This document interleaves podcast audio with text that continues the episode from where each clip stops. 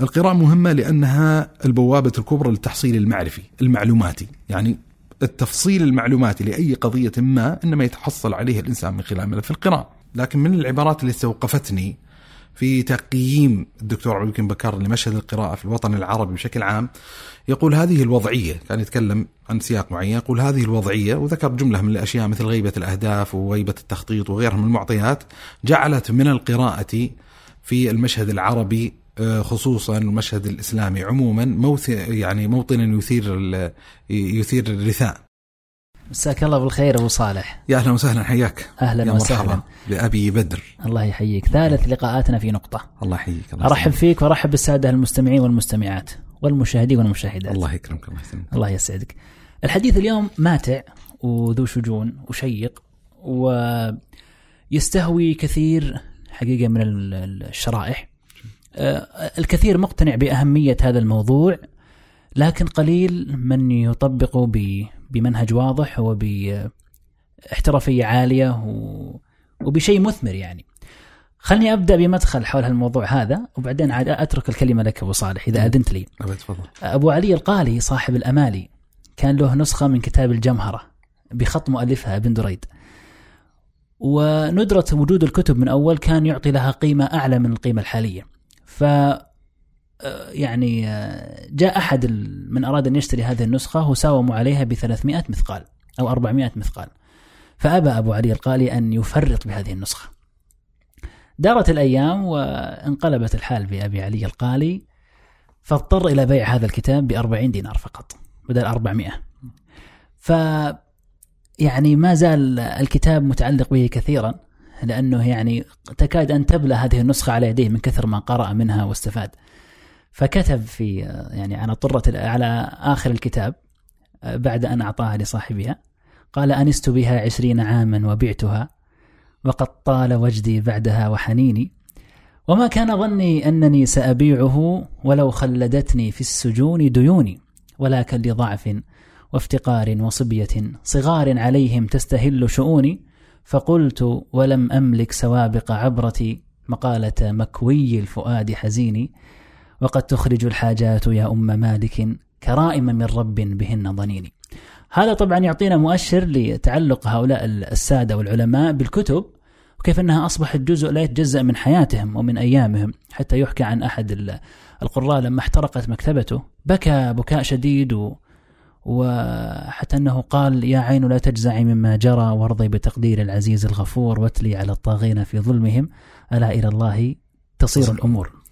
فهذا الحقيقة يعني يعطينا فعلا مؤشر كبير مدى هذا التعلق وكيف أنه أصبح له أثر كبير جدا حتى في هذا العصر.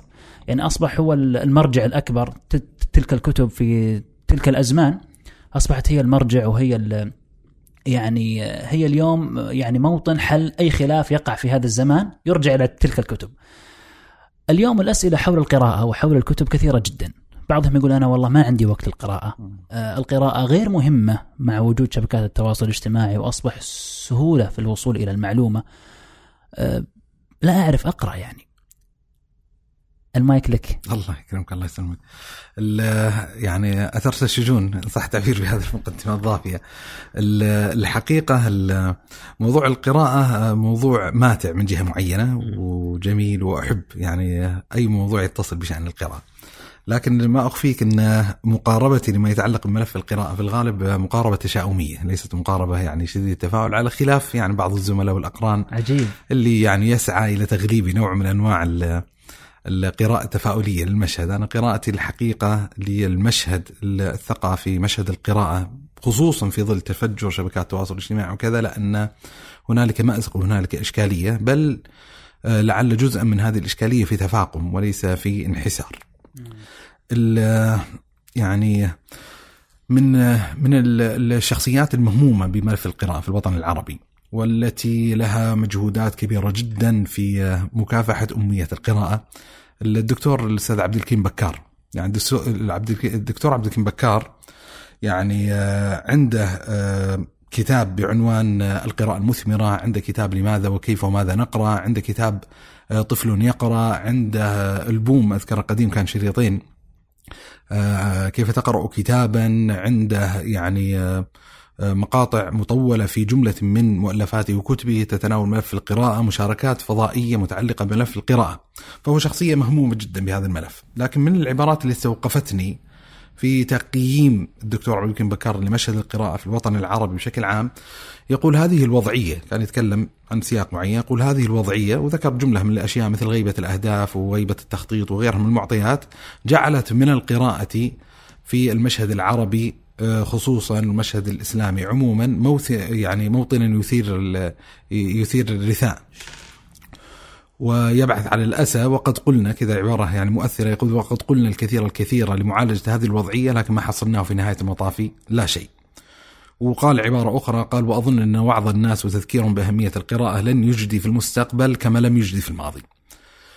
و متشائم الدكتور. يعني في قراءة يعني تشاؤمية لأن اللي أظن المقصود للدكتور أن الاقتصار على مربع الوضع والتذكير والنصح وحث الناس على فعل القراءة قد لا يكون كافيا في تخليق حالة ثقافية إيجابية وحسنة ومقبولة في قضية القراءة. والحقيقة أنا لا أحمل القارئ العربي عبء هذه الإشكالية المتعلقة بملف القراءة في الوطن العربي بل أعتقد أن هنالك منظومة ثقافية متكاملة تتسم بقدر من الهشاشة تتسم بقدر من الثغرات تتسم بقدر من الإشكاليات هي اللي ولدت حالة القراءة المشكلة أو المخجلة الموجودة في الوطن العربي بشكل عام يعني لما يتكلم الإنسان مثلا عن المجتمعات الغربية فيما يتعلق بقضية القراءة تكتشف أن هنالك منظومة ثقافية متكاملة تشجع على فعل القراءة ومداومة فعل القراءة. يعني أنت لا تتحدث عن القارئ الجيد فقط. أنت تتحدث عن المؤلف الجيد تتحدث عن المسوق الجيد تتحدث عن دار النشر الجيدة تتحدث عن منظومة تعليمية مشجعة على قضية القراءة حكومات تدعم قضية القراءة. فأنت تتكلم عن منظومة كبيرة جدا متشعبة كلها تثمر ثمرة إيجابية متعلقة بقضية القراءة. لما تنتقل بالمشهد إلى الوطن العربي بشكل عام لا تكتشف أن هنالك إشكالية حقيقة في طبيعة هذه المنظومة. وأن من الطبيعي جدا أن تتناسل الإشكاليات المتعلقة بقضية القراءة. يعني خذ بس على سبيل المثال هذه الالتقاط الطريفة. في أحد الكتب اللي قرأتها لأحد الإعلاميين المشهورين أحمد منصور عنده كتاب عنوانه سقوط بغداد. سقوط بغداد وعنده كتاب ثاني عن معركة الفلوجة هذا صحفي عربي ذهب إلى العراق آه، يعني قبيل أو بعيد الاحتلال الأمريكي لقضية العراق. وألف من مرئياته كتابين معركة الفلوجة سقوط بغداد في مقدمة كتابه سقوط بغداد ذكر الحقائق الغريبة والطريفة المتعلقة بملفنا قضية القراءة ومعاناة المؤلف العربي مع الناشر العربي.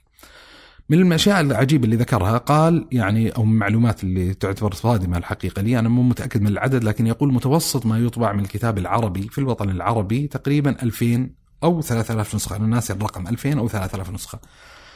هذه ال 2000 أو 3000 نسخة يراد أن تذوب في الجسد العربي العريض. يعني في العالم العربي لما تتكلم عن كتاب عربي يطبع منه كطبعة 2000 أو 300 نسخة يعني تخاطب بهذا الكتاب الوطن العربي. ثم الملحوظ المهمة أن الفترة الزمنية اللي يستغرقها ذوبان هذا الكتاب في المجتمع العربي بمعنى أن تنفذ نسخة بالكلية يحتاج إلى خمسة سنوات تقريبا. فأنت يعني خلينا ناخذ الرقم متشائم 2000 رقم متفائل 3000 تحتاج خمس سنوات من أجل أن تقتنى هذه الطبعات بحيث تخرج الطبعة الثانية. لا شك أن هذا رقم يعني مخجل ومحرج. والطريف في الموضوع أن أحمد منصور لما ألف الكتاب هذا ودفعه إلى أحد الناشرين العرب آه، لم يرغب بطبيعة الحال أن يخوض المغامرة فيما يتعلق بهذا الكتاب. فطبع الطبعة الأولى من الكتاب 2000 نسخة ونفذ الكتاب خلال أسبوع واحد. تتوقع أن الناشر العربي قد يقدم على طبعة أجود يعني عدديا في الطبعة الثانية لكن الأمر اللافت والغريب جدا أنه اقتصر كذلك في الطبعة الثانية على الكتاب بذات الرقم. فهذا مثلا أحد الجوانب الإشكالية. أنت الحين لما تتكلم عن فضاء الغربي تتكلم عن وظائف تتكلم عن صناعة عن صناعة حقيقية متعلقة بقضية الكتاب.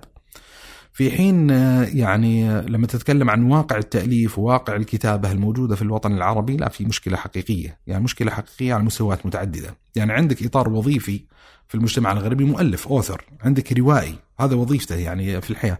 تتشكل. حكومية مدعومة. لا مو بالضرورة حكومية بس أنا قصدي إن الإنسان يستطيع إنه يتقوت ويتعيش بناء على صنعة الكتاب فقط. مم. كثير من المؤلفين المبرزين الموجودين في الوطن العربي هم في حقيقة الأمر لو أردت أن تحلله من الناحية الوظيفية هم هواة تأليف هواة كتابة لأن عنده وظيفة معينة. لكن يعطي مثلا تأليف الكتابة شيئا من وقته. هذه الوضعية ليست وضعية مشكلة يعني يعني من حيث هي. لكن ضمور حضور المتفرغين لهذا الشأن يدل أن هنالك إشكالية معينة تحتاج إلى لفت النظر والانتباه أنت لا تتكلم حتى عن الوظيفة المتعلقة يعني المتماسة مع قضية التأليف والكتاب بشكل مباشر حتى على هامشها وظلالة تشكل وظائف. يعني مثلا من الأدوار الشائعة في المجتمع الغربي فكرة الإديتور على سبيل المثال المحرر. يعني مثلا تجد كثير من المذكرات الشخصية إيش اللي يحصل؟ في شخصية معينة معبأة بمعلومات عن حياته أو عن حدث ما فيلقي بهذه المعلومات إلى محرر إديتر. الإديتر هذا هو عنده. المكنة في صياغتها بحيث أنها تكون يعني آه، ممكن تنشر بطريقة جيدة. فالشاهد أنه هنالك يعني آه، قضية آه، كبيرة جديرة بالبحث والعناية والدراسة والتفتيش عن الإشكاليات. لكن أظن من الضروري أن ننكمش من من هذا الفضاء العام يعني بمعنى أن ليس المقصود بحديثنا اليوم معالجة هذه الإشكالية العامة بنفي القراءة في الوطن العربي أو حتى المشهد المحلي لا يعني خلنا يعني نفعل مثل قول الله سبحانه وتعالى وكلهم آتيه يوم القيامة فردا فنتحدث عن الإشكالية المتعلقة بخصوص الأفراد فردا. فردا. يعني نعم هنالك عبئين عبء الأول عبء الأمة فيما يتعلق بهذه القضية ثم هنالك العبء الألصق والأضيق اللي هو العبء الذاتي المتعلق بقضية القراءة. فحديثنا بإذن الله عز وجل يعني أترقب أن يكون حديثا يتعلق بالعبء الألصق. بقضية الإطار الأضيق بلا بما يتعلق شك. بإشكالية الأفراد بلا شك هي الإشكاليات حقيقة من من أهم المواضيع لكن أحتاج بس إلى تقدمة إيه. بعد إذنك عن أهمية القراءة في حياة الفرد وفي حياة المجتمعات. جميل. يعني أنت الآن ذكرت عن إنه شخصت حالة المجتمع الغربي في يعني كيف يعني نمط القراءة موجود عندهم بخلاف المجتمعات العربية والإسلامية.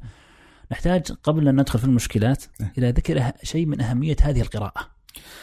طيب يعني في عدة معاملات يعني خلينا نقدمها بالطريقة الآتية. أحد المكونات الأساسية للنهضة الحضارية فيما يتعلق بقضية القراءة. يعني أحد القصص والأخبار اللي مو متثبت منها تثبت تام لكن مرت عليه في أكثر مؤلف وكتاب إن السابقين إلى ريادة الفضاء يعني إن أول من أطلقوا يعني قمرا صناعيا خارج الأرض وكذا كانوا الروس ليس الأمريكان. حلو. اللي هو القمر الصناعي المشهور سبوتنيك. مهم. اللي حصل ردة فعل الأمريكية من هذا الحدث وخصوصا يعني كان في أجواء يعني من الحرب الباردة بين الطرفين والصراع والتسابق على ما يتعلق بهذه القضية آه، عقد أشبه الملتقى والمؤتمر الكبير في أمريكا وخرج تقرير مشهور جدا في أمريكا على الأقل هذا عنوانه أمة في خطر. أمة في خطر.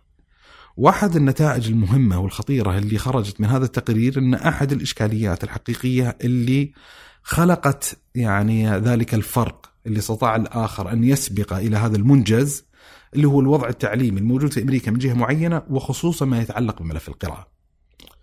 فيحتاج الإنسان أن يدرك أن هذه إشكالية حقيقية تستدعي الملاحظة والنظر ومن المسائل اللي تعجبني في الدكتور عبد الحكيم بكار اللي هو دعوته الملحة على ضرورة التعامل مع إشكالية القراءة باعتبارها مأزقا حضاريا كبيرا. من جنس الإشكاليات المهددة للامه والشعوب مثل مثلا يعني مثل البطالة، مثل مشكلة الإدمان، مثل مشكلة الطلاق. يعني أنا أزعم أن نحن لا نتعاطى مع هذا الملف اللي هو ضعف ضمور قضية القراءة كتعاطينا مع كثير من الملفات المهددة. يعني خذ ما يؤكد هذه القضية خصوصا فيما يتعلق بقضية العلم والمعرفة وما يتعلق بقضية القراءة وأثره في الحالة الحضارية المعاصرة. يعني من الأشياء اللافتة علاقة المعرفة والعلم المكتسبة من قضية القراءة بقضية الصناعة. يعني لما تريد أن تصنع منتجا معينا فأنت بحاجة إلى قضيتين معينتين، القضية الأولى المواد. المواد المجمعة من أجل تخليق هذا المنتج وعندك اللي يسمونها النو هاو اللي هو قضية المعرفة، قضية العلم. من الأشياء اللافتة في التاريخ البشري الماضي كان نسبة المواد يعني يعني التكلفة اللي يدفعها الإنسان من أجل تشكيل منتج معين تدخل فيه المواد بنسبة 80%. ونسبة المعرفة 20% تقريبا. الآن انقلبت المعادلة. مقلوبة المعادلة، يعني نسبة ما يستهلك في إقامة المنتج يشكل 80% المعرفة وال20% هي مجرد المادة. فهذا يؤكد على مركزية ومحورية ال- ال- المعرفة بشكل عام ومحورية قضية القراءة. يعني مثلا من الأشياء الملاحظة في السياق البشري المعاصر اللي هو تراجع ال- التقييم الايجابي الحسن لقضية الذكاء الفطري وحظوظ الإنسان في هذه الحياة. يعني كان في القديم يعول الإنسان كثيرا على مجرد ذكائه الفطري في تمرير كثير من شؤون حياته. الآن لا ما عادت القضية بهذه الطريقة. لا مجرد التعويل على الذكاء الفطري قد لا يحقق الانسان مكتسبا حياتيا حقيقيا، لا أثر إيجابي لكن لابد أن يضم إليه قضية المعرفة. ولذا لو كان الإنسان متوسط الذكاء لكن سعى أن يرتقي بنفسه معرفيا في فضاءات مثلا قضية القراءة تكون حظوظة فيما يتعلق بسياق المعاش اليوم أفضل بكثير جدا. تلاحظ الحين حتى في الإطار الوظيفي في جملة من المعارف صارت كالبدهية كالبدهية مطلوبة أن يحققها الطرف المقابل. يعني لا يتصور الآن في كثير من القطاعات أن يوظف أمي على سبيل المثال ما يعرف القراءة والكتابة. بل يعني أنت لا تتكلم عن أمية القراءة الآن لا تتكلم عن أمية ما يتعلق بالإطار التقني قضية الحاسب الآلي على سبيل المثال. يصير حتى لو ما كان متماس أنت وظيفيا مع يعني إتقان البرمجيات مثلا ال Microsoft Word على سبيل المثال أو ال PowerPoint على سبيل المثال أو ال Excel كأنما يطلب منك أن تكون عندك حصيله معرفية تؤهلك لاستخدام مثل هذه التقنيات. فهذا كله يؤكد على محورية المعرفة بشكل عام محورية القراءة باعتبارها الرافد الأكبر لقضية القراءة. بس على يكون المشكلة أبو صالح. أيه. المشكلة أنه كل الكلام اللي قاعد تقوله هذا كثير من الناس ما هو مقتنع فيه. جميل. لما تقعد تناقش يقول لك يا أخي القراءة غير مهمة والدليل أني أنا أصلا ماشي في وظيفتي ماشي في حياتي مبسوط جدا شاعر بأني قاعد أتقدم. بل أنه في بعض المجتمعات اليوم لما يشوفك تقرأ في الطيارة ولا في أماكن عامة أول سؤال يجي على ذهنه عندك اختبار بكرة. نعم. يعني ما يجي ما يجي على باله إنه والله ما شاء الله شخص مثقف أو بل في يعني صراحة صورة نمطية أو صورة ذهنية غير إيجابية عن القارئ اليوم في بعض المجتمعات. إنه شخص عنده انعزال، عنده بعد عن الناس، فلذلك أصبحت القراءة غير مهمة. من نعم الله عليه على القراء اليوم إنه وجدت هذه وسائل التواصل اللي تخليك تقرأ وتوهم الطرف الآخر بأنه قاعد على جواله يعني. جميل. فإيش الحل مع المشكلة هذه؟ طيب خلينا نتعاطى مع هذه باعتبارها المشكلة الأولى اللي هي مشكلة إن القراءة غير مهمة، القراءة غير مهمة. الحقيقة أنا أزعم وأظن ويعني أستطيع أني أقيم احصائيات متعلقة بهذا الباب ان ان إن هي إشكالية بلسان الحال لا بلسان المقال. شلون؟ يعني لو عندك جمهور من ألف بني آدم وطرحت عليهم السؤال مين اللي مقتنع أن القراءة غير مهمة بتاتا؟ أنا أظن أن سيتحرج كثير من الناس ان يرفع يدهم يقول أنا مقتنع أن القراءة غير مهمة. بل الملاحظ من الجهه الاحصائيه إن الإنسان يبالغ في تقدير قدراته فيما يتعلق بهذه المجالات. يعني مثلا احصائيا الآن لما يعرض مثلا كم عدد الساعات اللي تستغرق النظر في شبكات التواصل الاجتماعي، النظر في المسلسلات، النظر في الأفلام. تجد السمت العام من ناحية تحليل إحصائي إن كثير من الناس يسعى إلى تقليل ما يتعلق بالساعات المتعلقة لأن يشعر ان في قدر من المعرة تدخل عليه، حتى لو كان مبهما ما يعرف في إحصائية. وفي المقابل إذا قيل له كم الساعات اللي تقضيها في قضية القراءة ستجد في الغالب إن الإنسان يحرص على إنه يوسع الموضوع. ففي الانطباع العام والحس العام بالعكس ان الناس ينظرون للقضية هذه من حيث هي قضية إيجابية، لكن أحيانا تكون بعض التصرفات تكشف عن وجود إشكالية من عدم القناعة من جهة معينة أو عدم تصور معمق للفوائد والمكتسبات الهائلة التي يمكن أن تتحقق من خلال فعل القراءه. قلنا آه معرفة الآثار قصدك من القراءة. إي معرفة الآثار. يعني يعني أنا ما ما اخفيك إذا كانت الإشكالية يعني إشكالية الشاب مع ملف القراءة هي إشكالية من جنس الجهل. يعني بمعنى هو يجهل الفوائد المترتبه على قضية القراءة. فبالنسبة لي معالجة هذه الإشكالية أسهل بكثير جدا من معالجة إشكالية المقتنع. والذي يجد من نفسه مشكلة أخرى فيما يتعلق بقضية القراءة. يعني خلينا نقاربها من جنس مقاربة نصيحة إنسان مثلا يمارس فعلا محرما. خلينا نأخذ مثال التدخين على سبيل المثال. إذا كانت إشكالية الإنسان المدخن فقط قناعته قناعته أنه غير مقتنع أن التدخين محرم فتقدر تأخذ وتعطي معاه بالأدلة الشرعية بحيث لو كان صادقا فيما يتعلق بهذا المعطى أن ترى المأزق والإشكال فقط في القناعة الشرعية بهذه القضية. وصلت إلى نتيجة. إيوه إذا أقنعتني بهذه القضية فأنا مستعد إني أترحل لموقع آخر. مم. ترى إيوه معالجه الاشكاليه المعرفية سهلة. لكن إذا لا واحد يقول لك مثلا مدخن يقول لك ترى أنا عارف كل الأدلة وأسأل الله عز وجل يتوب علي. تجد الحين أن تدخل في مربع الوعظ والتذكير وليست يعني قيم معرفية مباشرة تستطيع أن تنقل من حالة إلى حالة يعني ويصير لسان الحال فيما يتعلق ب عامة القراء فيما يتعلق بملف القراءة أن يا عباد الله اتقوا الله وأقبلوا على قضية القراءة. وإلا الإشكالية إذا كانت يعني إشكالية لماذا أقرأ أو القراءة غير مهمة فنستطيع أن نبرهن عبر يعني مسار معين على أن القراءة مهمة، القراءة مهمة، يعني خذ يعني بعض الأمثلة يعني السريعة أو بعض الالتقاطات المتعلقة الكاشفة عن أهمية القراءة، اولا القراءة مهمة لأنها البوابة الكبرى للتحصيل المعرفي، المعلوماتي، يعني التفصيل المعلوماتي لأي قضية ما إنما يتحصل عليه الإنسان من خلال ملف القراءة. تقرأ كتاب الله سبحانه وتعالى تريد أن تقف على بعض غريب القرآن الكريم البوابة الكبرى أنك تقرأ كتابا في التفسير أو كتاب في غريب الحديث. تبي تعرف كيف كان النبي صلى الله عليه وآله وسلم يصلي؟ تقرأ كتابا يعلمك كيف كان النبي صلى الله عليه وسلم يصلي. تبي تتعلم في قضية حتى في علوم النفس في علم الاجتماع في علم السياسة في العلوم الطبيعية التجريبية؟ تستطيع أن تفضي إلى كم لا بأس به من المعلومات الموثقة المحكمة في الجملة مقارنة بموارد المعرفة الأخرى. ترى بوابة القراءة جيدة. مثلا من المعطيات عفوا بس أبو صالح. يعني الواحد يقول لك أنا قادر إني أستفيد كل هالمعلومات هذه من موارد أخرى غير القراءة.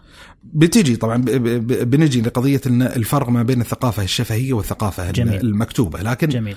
يعني الدعوة التي نقيمها أن بوابة المعرفة الكبرى هي ما يتعلق بقضية القراءة. لا يعني هذا أن, أن ليس هنالك موارد معرفية أخرى يمكن أن يتحصل الإنسان على جملة المعارف والعلوم من خلالها لكن يعني الأصل الأصل أن المعلومة الأكثر توثيقا هي الموجودة في هذه المسارب والمعلومات الموثقة الموجودة في المسارب الأخرى في الأعم الأغلب هي مقتبسة مستنبطة من هذه الموارد. جيد. الأهمية الثانية؟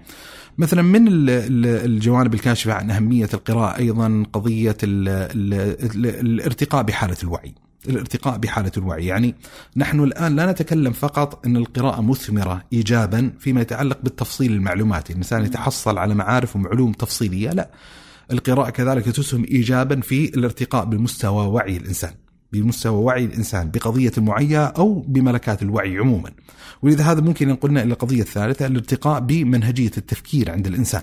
إما بطريقة مباشرة أن عندنا كتب معينة تخدم في هذه القضية بشكل مباشر. تعلمك التفكير الناقد تكشف لك عن المغالطات المنطقية آه، يستطيع الإنسان من خلاله أن يدرك بعض الإشكاليات المتعلقة بمنهجيات التفكير آه، مسالك النظر مسالك الاستدلال. هذه كلها مسارب مباشرة أو من خلال يعني محاولة الغوص في الكتاب بمدى أبعد من مجرد المعلومات والوعي بالقضايا التفصيلية القائمة فيه بحيث يضع الإنسان يده من خلال ما يقرأ على المنهجية التي بنى عليها المؤلف النتائج التي توصل إليها، يعني ما هي طريقة التفكير التي أوصلت المؤلف من المقدمة الفلانية إلى النتيجة الفلانية، ما هي الأصول مثلا الفكرية أو الأصول الاستدلالية التي أقام عليها المؤلف كتابه؟ على سبيل المثال. وغير ذلك المعطيات. فعندك يعني القراءة لو تفطن الإنسان يستطيع أن يطور من كفاءته كفاءته العقلية كفاءته الذهنية في التحصيل المعرفي. من الأشياء كذلك بالفوائد الكبيرة جدا اللي هو توسيع نطاق الخبرة للإنسان.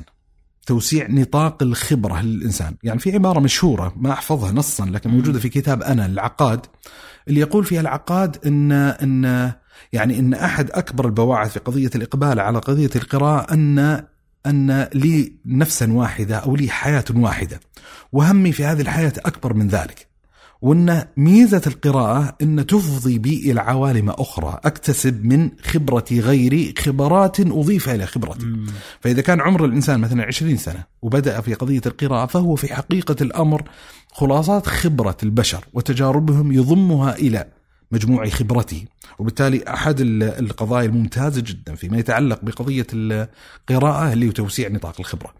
أحد القضايا كذلك اللي هو زيادة المفردات الذهنية زيادة عدد الكلمات إحنا نقول في الإنجليزي الفوكابلري إذا استطاع الإنسان أن يوسع من نطاق المفردات التي يتحفظها صار أقدر على فهم الآخر وصار يعني سرعته في قضية القراءة أجود لأنه لا يتوقف مع الألفاظ مستشكلا لها تصير تنساب إليه بقدر من السهولة. وهذه بالمناسبة أحد المدارس المتعلقة بقضية القراءة السريعة تعول على فكرة زيادة المفردات الذهنية. هذا جانب. والجانب الثاني أنه يحسن الإنسان التعبير عن رؤاه التعبير عن أفكاره. يصير أقدر على إن في فكرة تعتلج في نفسه يستطيع أن يبين عنها بطريقة أجود. طيب جميل. ما الذي خدم الإنسان في هذه القضية؟ اللي خدم الإنسان في هذه القضية اللي هو قضية القراءة، قضية القراءة. وهذا مما جربته لما كنت أقرأ باللغة الإنجليزية، يعني كانت تجربتي في القراءة باللغة الإنجليزية في بداية الأمر كان عندي قدر من ال يعني أستطيع إني أفهم المادة اللي أقرأها لكن سرعتي في قراءة المادة باللغة الإنجليزية مقارنة بسرعتي في قراءة المادة العربية كان في قدر عالي من التفاوت. والآن؟ الآن بحمد الله عز وجل تحسن تحسن كبير جدا. والسبب في ذلك إيش اللي حصل؟ الآن كنت أقرأ يعني مثلا اللي أستغرق ساعة وأستطيع أني أقرأ مثلا فرضا باللغة العربية 50 صفحة اكتشف أني ما أستطيع بالكاد أنجز 10 صفحات. وهذه قضية مرهقة وقضية مملة وقضية قد تعرقل مسار الإنسان فيما يتعلق بالقراءة. فبدأت أحاول إني إني إني أمارس ذات الحيل الممارسة لما يريد الإنسان أن يفضي إلى عالم القراءة اللي هو محاوله تطبيع عادة القراءة عبر القراءة في المجالات المحببة للإنسان. فما أنسى يعني تركت الحين ما يتعلق بالقراءات الفكرية والقراءات الثقافية باللغة الإنجليزية وانتقلت إلى فضاء القراءة في الروايات باللغة الإنجليزية. أحد المكتسبات اللي تحققت وهو موطن الشاهد طبعا وتحسنت كفاءتي وسرعتي بعد ذلك لكن أحد المكتسبات المهمة إن حصيلتي اللغوية تحسنت بشكل كبير جدا وصار يعني أحد المبررات لحالة السرعة تاليا إنه صار ما شاء الله حصيلتك اللغوية تحسنت فصار فهمك أسرع لكثير من المفردات اللي تمر عليك. فهذا مثلا أحد المكتسبات الجيدة والمهمة جدا، مثلا من المكتسبات كذلك اللي هو قضية الانعتاق من الثقافة الشفهية الثقافة الشعبية.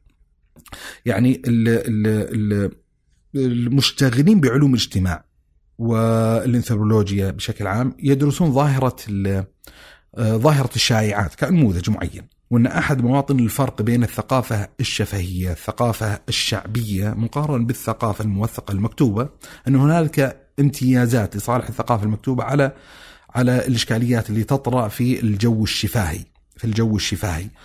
يعني يعني خلينا نقاربها المقاربة الآتية. عندك الحين ثقافة تمر شعبية داخل إطار الشعبي العام. والأصل إن الناس يتطبعون بهذه الثقافة الشعبية. من أهم الموارد اللي تستطيع الإنسان من خلالها يخترق حاجز الثقافة الشعبية يستطيع ينعتق من أسر الضغط الثقافي المجتمعي بوابة القراءة. أنه يستطيع أن يفضي إلى معارف وعلوم وقضايا ليست متحصلة وموجودة داخل إطار الشعب الذي يعيش فيه. مثلا من الفوائد كذلك قضية الارتقاء بالذائقة الأدبية. يعني من الوصايا والنصائح التي ألاحظ أن بعض المهتمين بقضية القراءة أحيانا يغفل عنها. وخلني أضرب المثل يعني بالقراءة في كتب الأدب. وخلنا يعني أقاربها بأحد الكتب الأدبية الشعبية الجميلة المحببة القريبة من كثير من الشباب مثلا كتب الدكتور عبد علي الطنطاوي عليه رحمة الله. م. ونأخذ مثلا كتاب الذكريات. كتاب الذكريات لعبد الطنطاوي كتابة ماتعة جدا من الناحية القصصية الناحية التاريخية. تتعرف من خلاله على كثير من القصص والأحداث والأخبار المتعلقة بالشيخ علي الطنطاوي. كتاب جميل جدا. لكن من الأشياء التي ينبغي أن يتفطن لها الإنسان الشيخ علي الطنطاوي عليه رحمة الله ترى أديب. وصياغته للقصص والأخبار والحكاية التي يسردها آه، أسلوب جميل وأسلوب محبب الحقيقة. وأسلوبه يعني من قبيل ال ال إيش التعبير اللي يستخدمونه؟ السهل الممتنع. أن تقرأه فتتوهم قدرتك على محاكاته ثم إذا سعيت لمحاكاته وجدت ان في قدر من الصعوبة. لكن من الأشياء الجيدة أن يتنبه لها الإنسان لما يقرأ في هذا النمط من الكتب مثلا أن لا تكون عينك فقط على المضامين المعرفية العلمية يمتد بصرك قليلا خارج هذا الإطار التراكيب اللغوية إيوه إيش طبيعة التراكيب اللغوية؟ إيش طبيعة التمثيلات؟ إيش الاستعارات؟ إيش التشبيهات؟ ما هي العبارات اللطيفة الجميلة؟ كيف أستطيع أن أوظفها في سياق كلامي؟ فلها أثر ومردود إيجابي جدا في الارتقاء بالذائقة الأدبية وحسن التعبير عن المعاني الموجودة عندنا. جميل. مثلا من ال ال الأشياء وممكن نختم بها نختم بها يعني المحور هذا طيب عندنا محاور كثيرة طيب نختم بها اللي هو قضية ال ال ال يعني من يعني لو استبعدنا كل المعاملات الماضية ترى عندنا نوع من أنواع الحث الشرعي الديني على قضية القراءة. اقرأ. يعني مثلا أول ما نزل من كتاب الله عز وجل اقرأ وكثيرة الدلائل الشرعية الحاثة على فعل القراءة، طبعا لما نتكلم في الإطار الديني لا نتكلم عن مطلق فعل القراءة، نتكلم عن قراءة يعني تفضي إلى مرضاة الله سبحانه وتعالى وغير ذلك من المعاني، لكن الشاهد أن من المرسخات من مؤسسات هذه العلاقة بعالم الكتاب قضية البعد الديني وكثيرة متنوعة. يعني الله عز وجل لم ينزل يعني يعني أنزل كتبا على البشرية وذلك يدل على شيء من الحكمة والسر الموجود في عالم الكتاب. امتن الله عز وجل على البشرية بقضية تعليمهم الكتابة بالقلم. اقرأ وربك الأكرم الذي علم الإنسان بالقلم. علم بالقلم علم. يعني علم الإنسان ما لم يعلم. ف- فقصد إن في مدلولات كثيرة آه، ويعني كثير الإطار الشرعي ما يعني ما اريد بس أنا أريد التنبيه على هذه المعاني وهي مجرد إشارات جميل. يعني قد تكون جميل. فيها فائدة هذا الكلام رائع أبو صالح ومحفز حقيقة وملهم للي يعني ما بدأ بالقراءة أن يبدأ من الآن وطرائق البداية في القراءة أظنك ذكرتها جزء منها لما تكلمت عن حديثك عن قراءتك في اللغة الإنجليزية. طيب. اليوم في كثير مقتنع باهميه القراءة حتى حتى داخليا. آه، اشكاليته إنه عنده فتور كبير يبدأ بقراءة يعني كتاب أو كتابين بل يدخل أحيانا في نسميها اليوم برامج المدارسات والتواصي على قراءة كتب حتى تعينه لكن يتفاجأ إنه في ربع أو نصف المشوار الأول ينقطع وتجد إنه رف مكتبته مليء بالكتب التي لم تكتمل. ما علاج هذا الفتور؟ وهل هي فعلا إشكالية موجودة في الساحة في ساحة القراء بشكل عام؟ والله ال- الفتور والانقطاع في قضية القراءة آه، يحتاج الإنسان يجيب على سؤال مستقيم في بداية الأمر اللي هي قضية إن ما هو الباعث وما هو السبب لهذا الانقطاع ولهذا الفتور. يعني عندنا حالة وضعية بشرية وإنسانية طبيعية وعندنا حالة آه، ليست طبيعية، ليست مم. طبيعية تحتاج لمعالجه. وش الطبيعية؟ يعني الوضعية الطبيعية النبي صلى الله عليه وآله وسلم يقول لكل عمل شرة ولكل شرة فترة فمن كانت فترته إلى سنة فقد هدي ومن كانت فترته إلى غير ذلك فقد هلك. فالنبي صلى الله عليه وسلم يذكر أن من طبيعة الإنسان أن إذا عمل عملا له شرة معينة له حماسة إيش معينة. معنى شراء؟ شراء حماسة. حماسة واندفاع. ثم يعقب حالة الشراء حالة الحماسة وحالة الاندفاع نوع من أنواع الفتور. فالنبي صلى الله عليه وسلم يقول ترى في حالتين في قضية الانسحاب وقضية الضعف وقضية الفتور. إن إما أن يفتر الإنسان إلى سنة النبي صلى الله عليه وسلم مثلا في الشأن الديني أيوه. آه، يعني مثلا يترك جملة من النوافل وكذا فيقتصر حاله على المحافظة على الفروض فيقول النبي صلى الله عليه وسلم إذا وصل الإنسان به الحال إلى هذا المستوى فقد هدي. أموره إلى آه. خير دام أنه ملتزم بالفرائض ومن آه، يعني كانت فترته إلى غير ذلك لا حصل منه تقصير فيما يتعلق بالواجبات الدينية الشرعية فقد هلك إن في مشكلة حصلت. طيب خلينا نطبق ذات المفهوم فيما يتعلق بقضية القراءة. أيوه.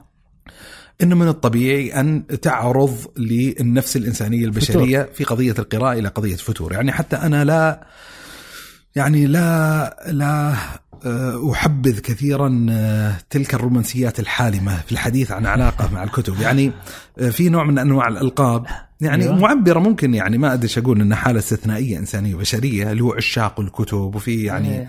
يعني في حالة من الحاله الوردية في الرومانسيه مؤلفات بهذا الاسم أصلا يعني موجود إيه. وتحكى فيها أشياء مفيدة مو بالقصد الانتقاد فيما يتعلق بهذه القضية لكن تصوير المشهد يعني تصوير مشهد القراء النابهين الجيدين المميزين إن علاقتهم بالكتاب كما يقال سمعنا العسل على طول الطريق وإن لا تعرض لهم حالة من حالات المجاهدة ومقاومة النفس ومدافعتها أو تعرض لهم حالة من حالات الملل أظن إن هذه حالة غير واقعية غير واقعية. لا هم بشر من البشر. آه، فترات الحماس الموجودة عندهم ممكن تكون لحسن علاقتهم بالكتاب لتطبع هذه العادة لأن الأصل فيها حالة ودودة على الأقل تمشي أمورهم بشكل جيد. ثم تعرض لهم بين الفينة والفينة فترات من الفترات من الفتور فترات انقطاع ولا فترات تخفيف في أيوه أنا أقول الحين فبنجي بس أنا أتكلم على الاقل بنعالج الحين ان إيه. في جزء من حالة الفتور والانقطاع ترى حالة طبيعية. فلا يتذمر الإنسان ويتصور أنه يستطيع الوصول إلى حالة لا يحصل عنده حالة من الفتور مطلقا هذه فيها أظن قدر من الصعوبة الجانب الثاني أو اللي هي الحالة أو الإشكالية الغير طبيعية اللي تحتاج إلى مراجعة النفس والتذكير أن في مشكلة معينة تحتاج العلاج. يعني إحنا بنتكلم عن يعني إيش طبيعة المعالجات لحالة الفتور الطبيعية. لكن الموضوع الآخر لا يحتاج إلى سلسلة من العلاجات مختلفة، يعني مثلا قد يقرأ الإنسان في مستوى ثقافي أرفع منه بكثير جدا، يقرأ في كتاب صفحة صفحتين ثلاثة عشر عشرين ثلاثين خمسين صفحة ولا يفهم شيئا. من الطبيعي أن تنعكس على نفسه مشاعر سلبية بالفتور وترك هذا الكتاب. والمشكلة قد تتطور الحالة مع البعض أنه يترك فعل القراءة جملة وتفصيلا مو بأنه يترك هذا الكتاب وينتقل لكتاب آخر لا قد تزيد جرعة الإشكال الموجودة عندك. انتكاسة. انتكاسة عن ملف القراءة وانقطاع. مثلا قد يدخل الإنسان في حالة من حالات القراءة بوله وبولع تحمس حضر محاضرة تتكلم عن أهمية القراءة ومشجع قرأ كتابا المشوق في القراءة. الله يستر من ذي الحلقة. أجل. المشوق في القراءة للشيخ علي العمران على سبيل المثال أو عشاق الكتب مثلا قراءة أو القراءة. أو قراءة يعني قرأ كتاب فتشجع وتحمس. انتقل من نقطة الصفر في عالم القراءة ولم يختم تلك الليلة إلا قرأ له 300 صفحة مثلا. أو في خلال الأسبوع قرأ له يعني كم من ما قرأ شيئا ولا يظن أن كان بمقدور يقرأها خلال عمره. ثم بعد ذلك بعد ذهاب الشراء قد تنعكس سلبا. يعني مثلا من الإرشادات النبوية قول النبي صلى الله عليه وسلم أحب العمل إلى الله أدومه وإن قل أدومه وإن قل. آه، كان النبي صلى الله عليه وسلم عمله ديمة. النبي صلى الله عليه وسلم والشريعة متشوفة إلى إحداث الخير والمواصلة عليه والاستمرار كأولوية أرفع درجة من كثرة هذا الخير. يعني لو استطاع الإنسان يقتصر على خير قليل لكنه دائم ففي نظر الشارع هذا أفضل من تأدية خير كثير ثم الانقطاع عنه. فنفس الشيء يحتاج الإنسان في بدايات مشوار القراءة أنه يطبع عادة القراءة، أنه لا لا ينشط ويتحمس ويقفز قفزة كبيرة فيما يتعلق بهذا الإطار خشية من أن يعقب ذلك حاله حالة من حالات الفتور أو حاله من حالات الانقطاع. فنعم فمعناته الإشكالية للنوع الثاني خلينا نعبر الآن تجوزا قضية أنها غير طبيعية هي عائدة لإشكالية واقعة من الإنسان أنه ما حسب خطواته بطريقة جيدة إما أن انتقى كتابا غير مناسب أو انتقى كمية صفحات غير مناسبة مثلا. طيب ما هي أهم العلاجات المقترحة؟ يعني لمعالجة الوضعية الطبيعية ويمكن أن تستثمر كذلك يعني فيما يتعلق بالحالة الثانية. بس أنا أبيك توصف لي الحالة الطبيعية الآن. الحالة الطبيعية للقارئ اللي إيه؟ تكون عنده عادة القراءة. هل ينق... هل تمر عليه أيام ينقطع عن القراءة؟ يعني قد يقع هذا. يعني هو أنت الآن إيه قد يقع قد يقع. الآن. أيوه قد يقع. أنا يعني قصدي في حالة من حالة الفتور. آه وقد يصل حالة الفتور إلى حالة من حالات الانقطاع. فيصير جزء من الاشتراط في قضية الانقطاع. لا يطول هذا الانقطاع. يعني ممكن تأخذ يوم إجازة يومين إجازة ثلاثة أيام إجازة لكن لا يطول هذا الانقطاع. يعني معناته ممكن تخلق حالة معاكسة لقضية القراءة بدل ما كانت علاقتك ودودة بالكتاب ومطبعة هذه العادة تشكل عندك عادة جديدة بالنهي عن قضية القراءة والكتاب القراءة. فهذه إشكالية تحتاج إلى معالجة. ولذا من المعالجات؟ يعني لما تتكلم عن حالة الفتور يسعى الإنسان في محاصرة حالة الفتور بالانتقال من القراءات الجادة بمستوى معين إلى القراءات الأقل منها أهمية على الأقل في سلم أولوياتي. أو ينتقل من القراءات الأكثر فائدة ونفعا إلى القراءات الموافقة للهوى الشخصي الذاتي في قضية المحبة. يعني مثلا افترض أن الإنسان مثلا من المتعشقين الوالهين بقراءة كتب التواريخ والسير والطبقات والتراجم على سبيل المثال. فيستطيع أن يستثمر لحظات الفتور بالإقبال على المادة التي مح... التي تكون محببة إليه. قضية الروايات. يستطيع أن يعني يدرك أنه هو زمنيا ستعرض له مثل هذه الفترات فليش ما يملأ هذه الحالات من حالات الفتور باستبقاء العلاقة على الأقل مع الورق مع الكتاب وإن كان يعني منسوب النفع والإفادة بالنسبة إليه محدودا بالمقارنة بقراءة أخرى. وأنا أؤكد على هذا المعنى لأن لست مع القراءة السلبية لما يتعلق بقضية الروايات. يعني أعتقد أن الأصل فيما يقرأ الإنسان مثل ما يعني يعبر بعض أهل العلم لا يخلو كتاب من فائدة يعني إلا ما استثناه الشارع من القراءات المحرمة لكن بطبيعة الحال ممكن تتفاوت نسب الفوائد والقضايا. ممكن هذا يؤخر إلى قضية الحلقة قادمة أو شيء معين نتكلم فيها عن الروايات وفائدة القراءة في الروايات أو غيرها. لكن شاهد هذا جانب. لكن القضية المهمة اللي يحتاج الإنسان أن أن يستحضرها لمعالجة كالية الفتور في قضية القراءة اللي هو ابتعاث الهمة. ابتعاث الهمة. يعني الآن في حالة من حالات الفتور طيب في أدوات معينة يستطيع الإنسان من خلالها أن يبتعث الهمة في نفسه.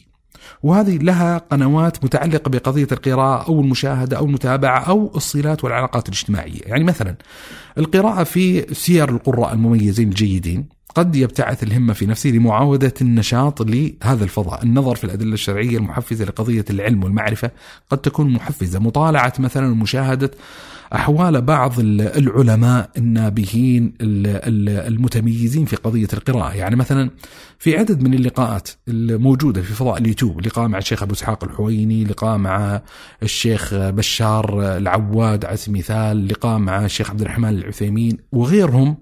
قد يجد الإنسان في طيات الكلام ما يحفزه لقضية القراءة. هذه مثلا من التقنيات والادوات من الأشياء المحفزة الحقيقة واللي تبتعث الهمة في نفس الإنسان الصحبة.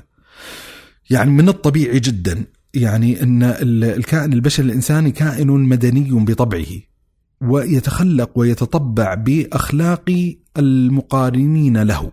يعني إذا كان السياق اللي يضع الإنسان نفسه فيه هو جو اجتماعي مهتم بالثقافة مهتم بالمعارف مهتم بالعلوم لا يكاد يكون هنالك معرض كتاب لا تسمع نوع من أنواع التنادي من يسافر يا شباب من أجل الذهاب إلى معرض الكتاب. إيش رأيكم يا شباب نروح هذا الأسبوع إلى المكتبة لاقتناء بعض الكتب. آه، إيش آخر كتاب قرأته؟ ودي أقرأ في الموضوع الفلاني إيش تنصحوني فيه. كل هذا هذا الجو جو محفز لقضية القراءة. حتى لو انتابت الإنسان نوع من أنواع الفتور فعلى الأقل يعني يجد في من حوله من يحفزه ويشجعه لقضية القراءة. مثلا من الأشياء اللي أعتقد مهمة جدا أن يوجد الإنسان لنفسه عادات جيدة دائمة وثابتة في قضية القراءة. يعني حتى لا تتخلى قضية الانقطاع. يعني أذكر يعني من العادات. مثلا من العادات اللي أعتقد مهمة جدا. مثلا آه، أن يرتبط الإنسان ويلتزم ولو من ألوان التواصي المشروع والمحمود مع مجموعة قراءة على سبيل المثال. يعني على الأقل يصير ملتزم أدبيا مع مجموعة من المجموعات شهريا أن ينجز قراءة كتاب. أنا ما أخفيك على المستوى الشخصي عندي أربعة مجموعات قراءة شهريا ملتزم معها بحيث يكون محصل قراءة الإنسان حتى في أسوأ الأحوال من أحوال الفتور لا تنزل على الأقل من أربعة كتب لأنك ملتزم أدبيا الآن مع مثل هذه المجموعة. فمثلا هذا أحد المعطيات. مثلا من العادات الجميلة اللي إذا تطبعت يصير حتى في عوالم عروض الفتور يجد الإنسان نفسه ملتزم مع نفسه بالفعل الفلاني. يعني أنا مثلا يعني عندي عندي الفراش كتاب يعني قبل النوم لابد أن أقرأ منه جملة من الصفحات. والكتاب المنتخب كتاب جميل الحقيقة وله يعني قصة طويلة اللي هو كتاب تراث الإنسانية مجلة مصرية كانت تصدر تتحدث فيها عن شؤون الكتب. يعني عن كتاب تعريفا به به وقامات يعني ثقافية ومعرفية وفلسفية وعلمائية هم اللي كانوا يكتبون فيها ومجلة يعني قديمة ومطبوعة. فهو الكتاب الموجود يعني بجوار الفراش بحيث انه قبل ما أنام أقرأ منها جملة من الصفحات. انه حتى في حالات الفتور على الأقل في يعني عادات مطبعة في حياتك آه، تحوجك إلى قضية القراءة، ما هي بالقضية؟ يعني صايرة متروكة لخيارات الإنسان الذاتية الشخصية. من الأشياء كذلك المفيدة واللي اللي تفطنت لها من خلال احد الأصدقاء الشيخ سلطان العميري أطلعني مرة في زيارة له على جدول، الجدول هذا يتضمن المواد التي يريد قراءتها خلال المدة القريبة القادمة. لأن أحد الإشكاليات التي تولد حالة الفتور وحالة الانقطاع أن الإنسان ينقطع من قراءة كتاب ويدور في فلك الحيرة إيش الكتاب القادم الذي أقرأه المشكلة أن بعض الناس فترة الحيرة هذه قد تمتد زمنيا بحيث إنه يعني يصير عندنا إشكالية حقيقية. مثلا من التقنيات وممكن يعني أختم بها يعني إذا في شيء آخر، لكن من التقنيات اللي وجدت أثرها في معالجة هذه الإشكالية الأخيرة اللي محاولة التقليد يعني المزاوجة من فكرة ال ال ال النظر الاستشرافي للمادة المقروءة مستقبلا آه، فكرة مستعارة من وحي القراء آه، قراء كتاب الله عز وجل وهي فكرة الحال المرتحل. يعني من الوصايا وما لست أقدم هنا حكما فيما يتعلق بمشروعيته أو عدم مشروعيته لكن بعض من يختم كتاب الله عز وجل لما يستغرق يقرأ القرآن يصل إلى آخر المصحف ويقرأ سورة الناس. لما يختم سورة الناس لا يغلق المصحف وينتهي من ختمته إلا بالشروع في الختمة الجديدة. يروح يرجع من أول مصحف بسم الله الرحمن الرحيم الحمد لله رب العالمين يقرأ سورة الفاتحة. فأحد التقنيات اللي انتفعت منها الحقيقة أن فكرة الحال المرتحل. لما أنتهي الآن من كتاب وأضعه جانبا لا أنقطع من قضية القراءة مباشرة مباشرة. يعني كأن شيء أيوه شيء شيء متصل بالكتاب الماضي. أروح أفتح مم. الكتاب الجديد الذي أريد قراءته وأقرأ منه 10 20 30 صفحة. وأغلق بحيث يشعر الإنسان يعني باللغة الإنجليزية يسمونه ستريك إن الإنسان يدخل في مزاج الاستمرار في قضية جميل. القراءة جميل. وتكون حقيقة محفزة يعني رائع. بشكل جيد. رائع آه خلني أختم بسؤال وأتمنى طيب. يكون نجاوب عليه بثلاث دقائق طيب. أربع دقائق بعد إذنك. طيب. آه المتعلق بآليات القراءة وان كيف تعود نفسك على القراءة وغير هذا ما تعتقد إنه جزء منه يرتبط بالقدرة العقلية؟ بمعنى إنه أنا ممكن أكون قارئ لكن مقدار قراءتي اليومية هي عشر صفحات فقط لكن أنا مستمر عليها. آه، إشكال يقع عند بعض الناس أنه لما يقارن نفسه بغيره أحد يقرأ باليوم 100 صفحة 150 صفحة قد يشعر بالإحباط وشعور ب خلاص يبدأ ينسحب عن القراءة بسبب أني ما وصلت للمرحلة اللي وصل لها ذلك الرجل. هل المقارنات في عالم القراءة أمر محمود أم مذموم؟ والله لها واجهتين يمكن أن يكون محمودا ويمكن أن يكون مذموما. يعني يمكن أن يكون محمودا لما يتخذ منه الإنسان طريقا ومعبرا لل- للمسابقه في هذا الخير أنه ينشط الإنسان لمحاولة الوصول والتأسي. والتأسي أو المنافسة مو حلو. حتى التأسي المنافسة أن فلان مثلا أدرك من خلال معرفتي به أن قدراتي ترى متقاربة مع قدراته سياق المجتمع اللي يعيش فيه قريب من سياق المجتمع الذي يعيش فيه ومعطيات معينة. طيب لماذا هو متفوق عليه فيما يتعلق بهذا الباب؟ فيمكن أن يكون عقد المقارنات فيما يتعلق بهذا الإطار محفزا. وقد يعني وهنا الإشكالية اللي اللي وقع التساؤل عنها قد يكون محبطا محبطا انه يشعر أنا وين وفلان وين. مم. فما تقدر تقدم بطبيعة الحال إجابة واحدة إلا بمعرفة خصوص الصورة المتحدث عنها. نعم. الناس هل يتفاوتون في قضية آه، كمية ما يمكن أن يقرؤونه؟ نعم. الناس يتفاوتون في الأوقات الموجودة عندهم. ليس كل الناس متوفر زمنيا عنده آه، كغيره. الصفاء الذهني آه، توفر الكتب على سبيل المثال. لكن الدعوة التي نريد أن نقيمها أن ضرورة أن يكون هنالك حصة من قضية القراءة في حياتك. هذه قضية أساسية. مم. فهو ليس واضحا السؤال من جهة أن من المقارن به. يعني لما تتكلم عن شخصيات مثلا تنجز في اليوم في اليوم والليلة قراءة ستة ساعات على سبيل المثال. فهل الدعوة التي نبتعثها ونقيمها بين الناس أن لابد أن من أراد أن يدخل في سلك القراءة فيجب عليه أن لا ينزل عن سقف الستة ساعات؟ نقول لا.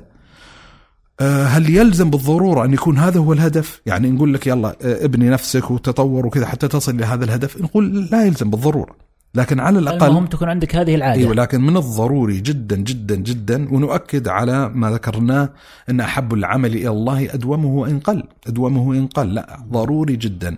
أن يكون جزء من المكون المعرفي الحياة، يعني هو في النهاية يحتاج الإنسان أن يفترض في نفسه سؤالا، يفترض يفترض على نفسه سؤالا، هل أريد أن يكون لي شأن فيما يتعلق بقضية الثقافة، بقضية المعرفة مع استحضار أهمية هذه المكونات في السياق الحضاري المعاصر أم لا أريد أن أكون كذلك؟ يعني هو أشبه قول شكسبير أن أكون أو لا أكون ذلك هو السؤال. يعني تريد أن تكون شيئا مذكورا في هذه الأبواب ترى البواب الكبرى التي يستطيع الإنسان للإفضاء من خلالها إلى هذا الفضاء الرحب هو عبر بوابة القراءة وإذا انعدم هذا المكون من حياة الإنسان بالكلية سيكون إنسانا سيعيش في هذه الحياة لكن آه، هو بالخيار يعني بمعنى أن أن لا يمكن أن تكون لك مشاركة حقيقية فاعلة في عالم الثقافة مع انعدام هذا المكون بالكلية. يعني ممكن يعني يترقع يعني من خلال موارد ثانية لكن لا يمكن في تقييم تقديري إن يكون آه، للإنسان شأن ذا بال فيما يتعلق بهذا المجال. لنا حديث قادم بإذن الله عن القراءة. ومش شوف قلت ذا بال في هذا المجال. يا سلام. سجعة جميلة. نحطها إن شاء الله في ال... لنا حديث قادم إن شاء الله عن القراءة وإشكالياتها وآلياتها وبعض طرقها إن شاء الله. وقد نذكر بعض النماذج في المستقبل عن جملة من القراء المعاصرين اللي كان لهم حقيقة يعني أثر كبير في عالم الكتب. شاكر لك الله حضورك الله صالح. شكرا لك ونراك على خير في حلقة قادمة. أسئلتكم نستقبلها إن شاء الله في الأسك. يعطيكم العافية. الله يخليك الله يسلمك. حياك.